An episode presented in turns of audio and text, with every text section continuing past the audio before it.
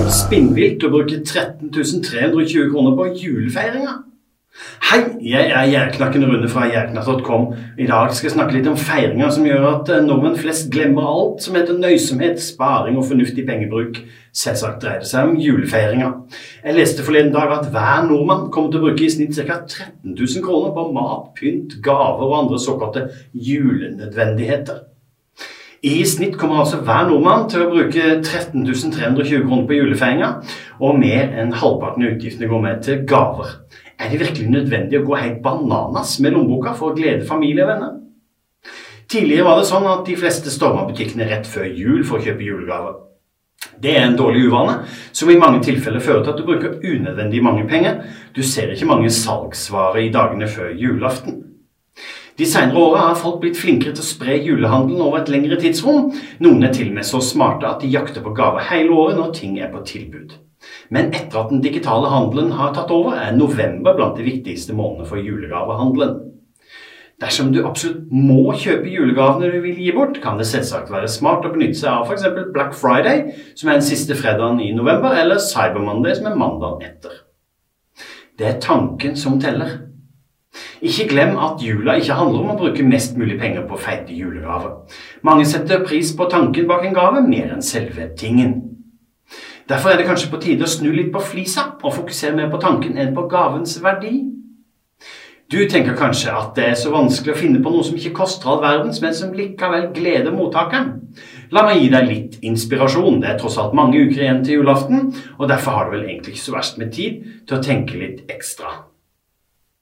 Åtte kjappe tips til hva du kan finne på av julegaver som ikke koster skjorta. Julegavetips 1. Lag julegavene sjøl. Å lage julegaver sjøl høres kanskje voldsomt ut for deg som ikke er den kreative sorten.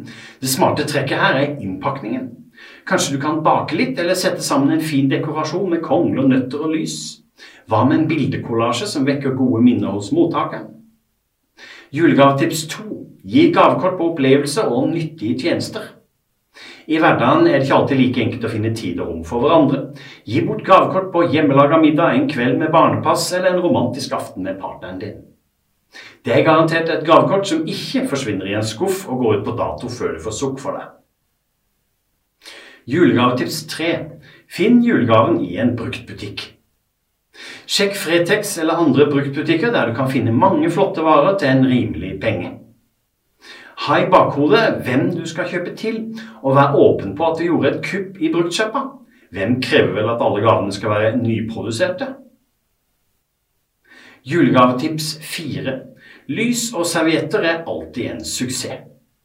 Det kommer selvsagt an på hvem, skal, hvem, som skal ha gaven, men de aller fleste vet å verdsette lys og servietter. Kjøper du dem på Nille, Europris eller andre billigbutikker, koster en sånn gave ikke all verdens. En gave av den typen oppfordrer til kos, og det elsker vi jo alle mann. Julegavetips 5 julekort eller brev istedenfor gave. Har du tenkt over om personene absolutt må ha en gave? Kanskje de setter like stor pris på et julekort eller en julebrev med noen personlige ord fra deg? Julegavetips 6 gi bort en flaske vin. Har du kanskje et lite lager av vin fra forrige gang du var på reise? Mange setter stor pris på en flaske rød eller hvitvin. Dersom du ikke har noe på lur, kan du stikke på Vinmonopolet og be betjeningen om hjelp til å finne en ok vin til litt over hundrelappen. Du har vel ikke fisefine gavemottakere som ikke setter pris på en sånn flaske, bare fordi den ikke koster hundrevis av kroner? Julegavetips 7. Gi bort egenprodusert saft eller syltetøy. Har du vært flink til å safte og lage syltetøy i høst, kan du gi bort noen deilige flasker eller glass med egenprodusert drikke eller syltetøy. Enhver forstår å verdsette jobben du gjorde med å lage godsakene. Julegavetips 8. Barn krever ikke all verdens. Mange ganger blir vi forbausa over å se hva barn gleder seg over på julaften. Det kan godt hende at en dyr gave blir liggende i et hjørne, mens en enkel og billig leke slår an til tusen. Hvorfor ikke forsøke med et puslespill, et brettspill eller klassikeren fargeleggingsbøker og tusje?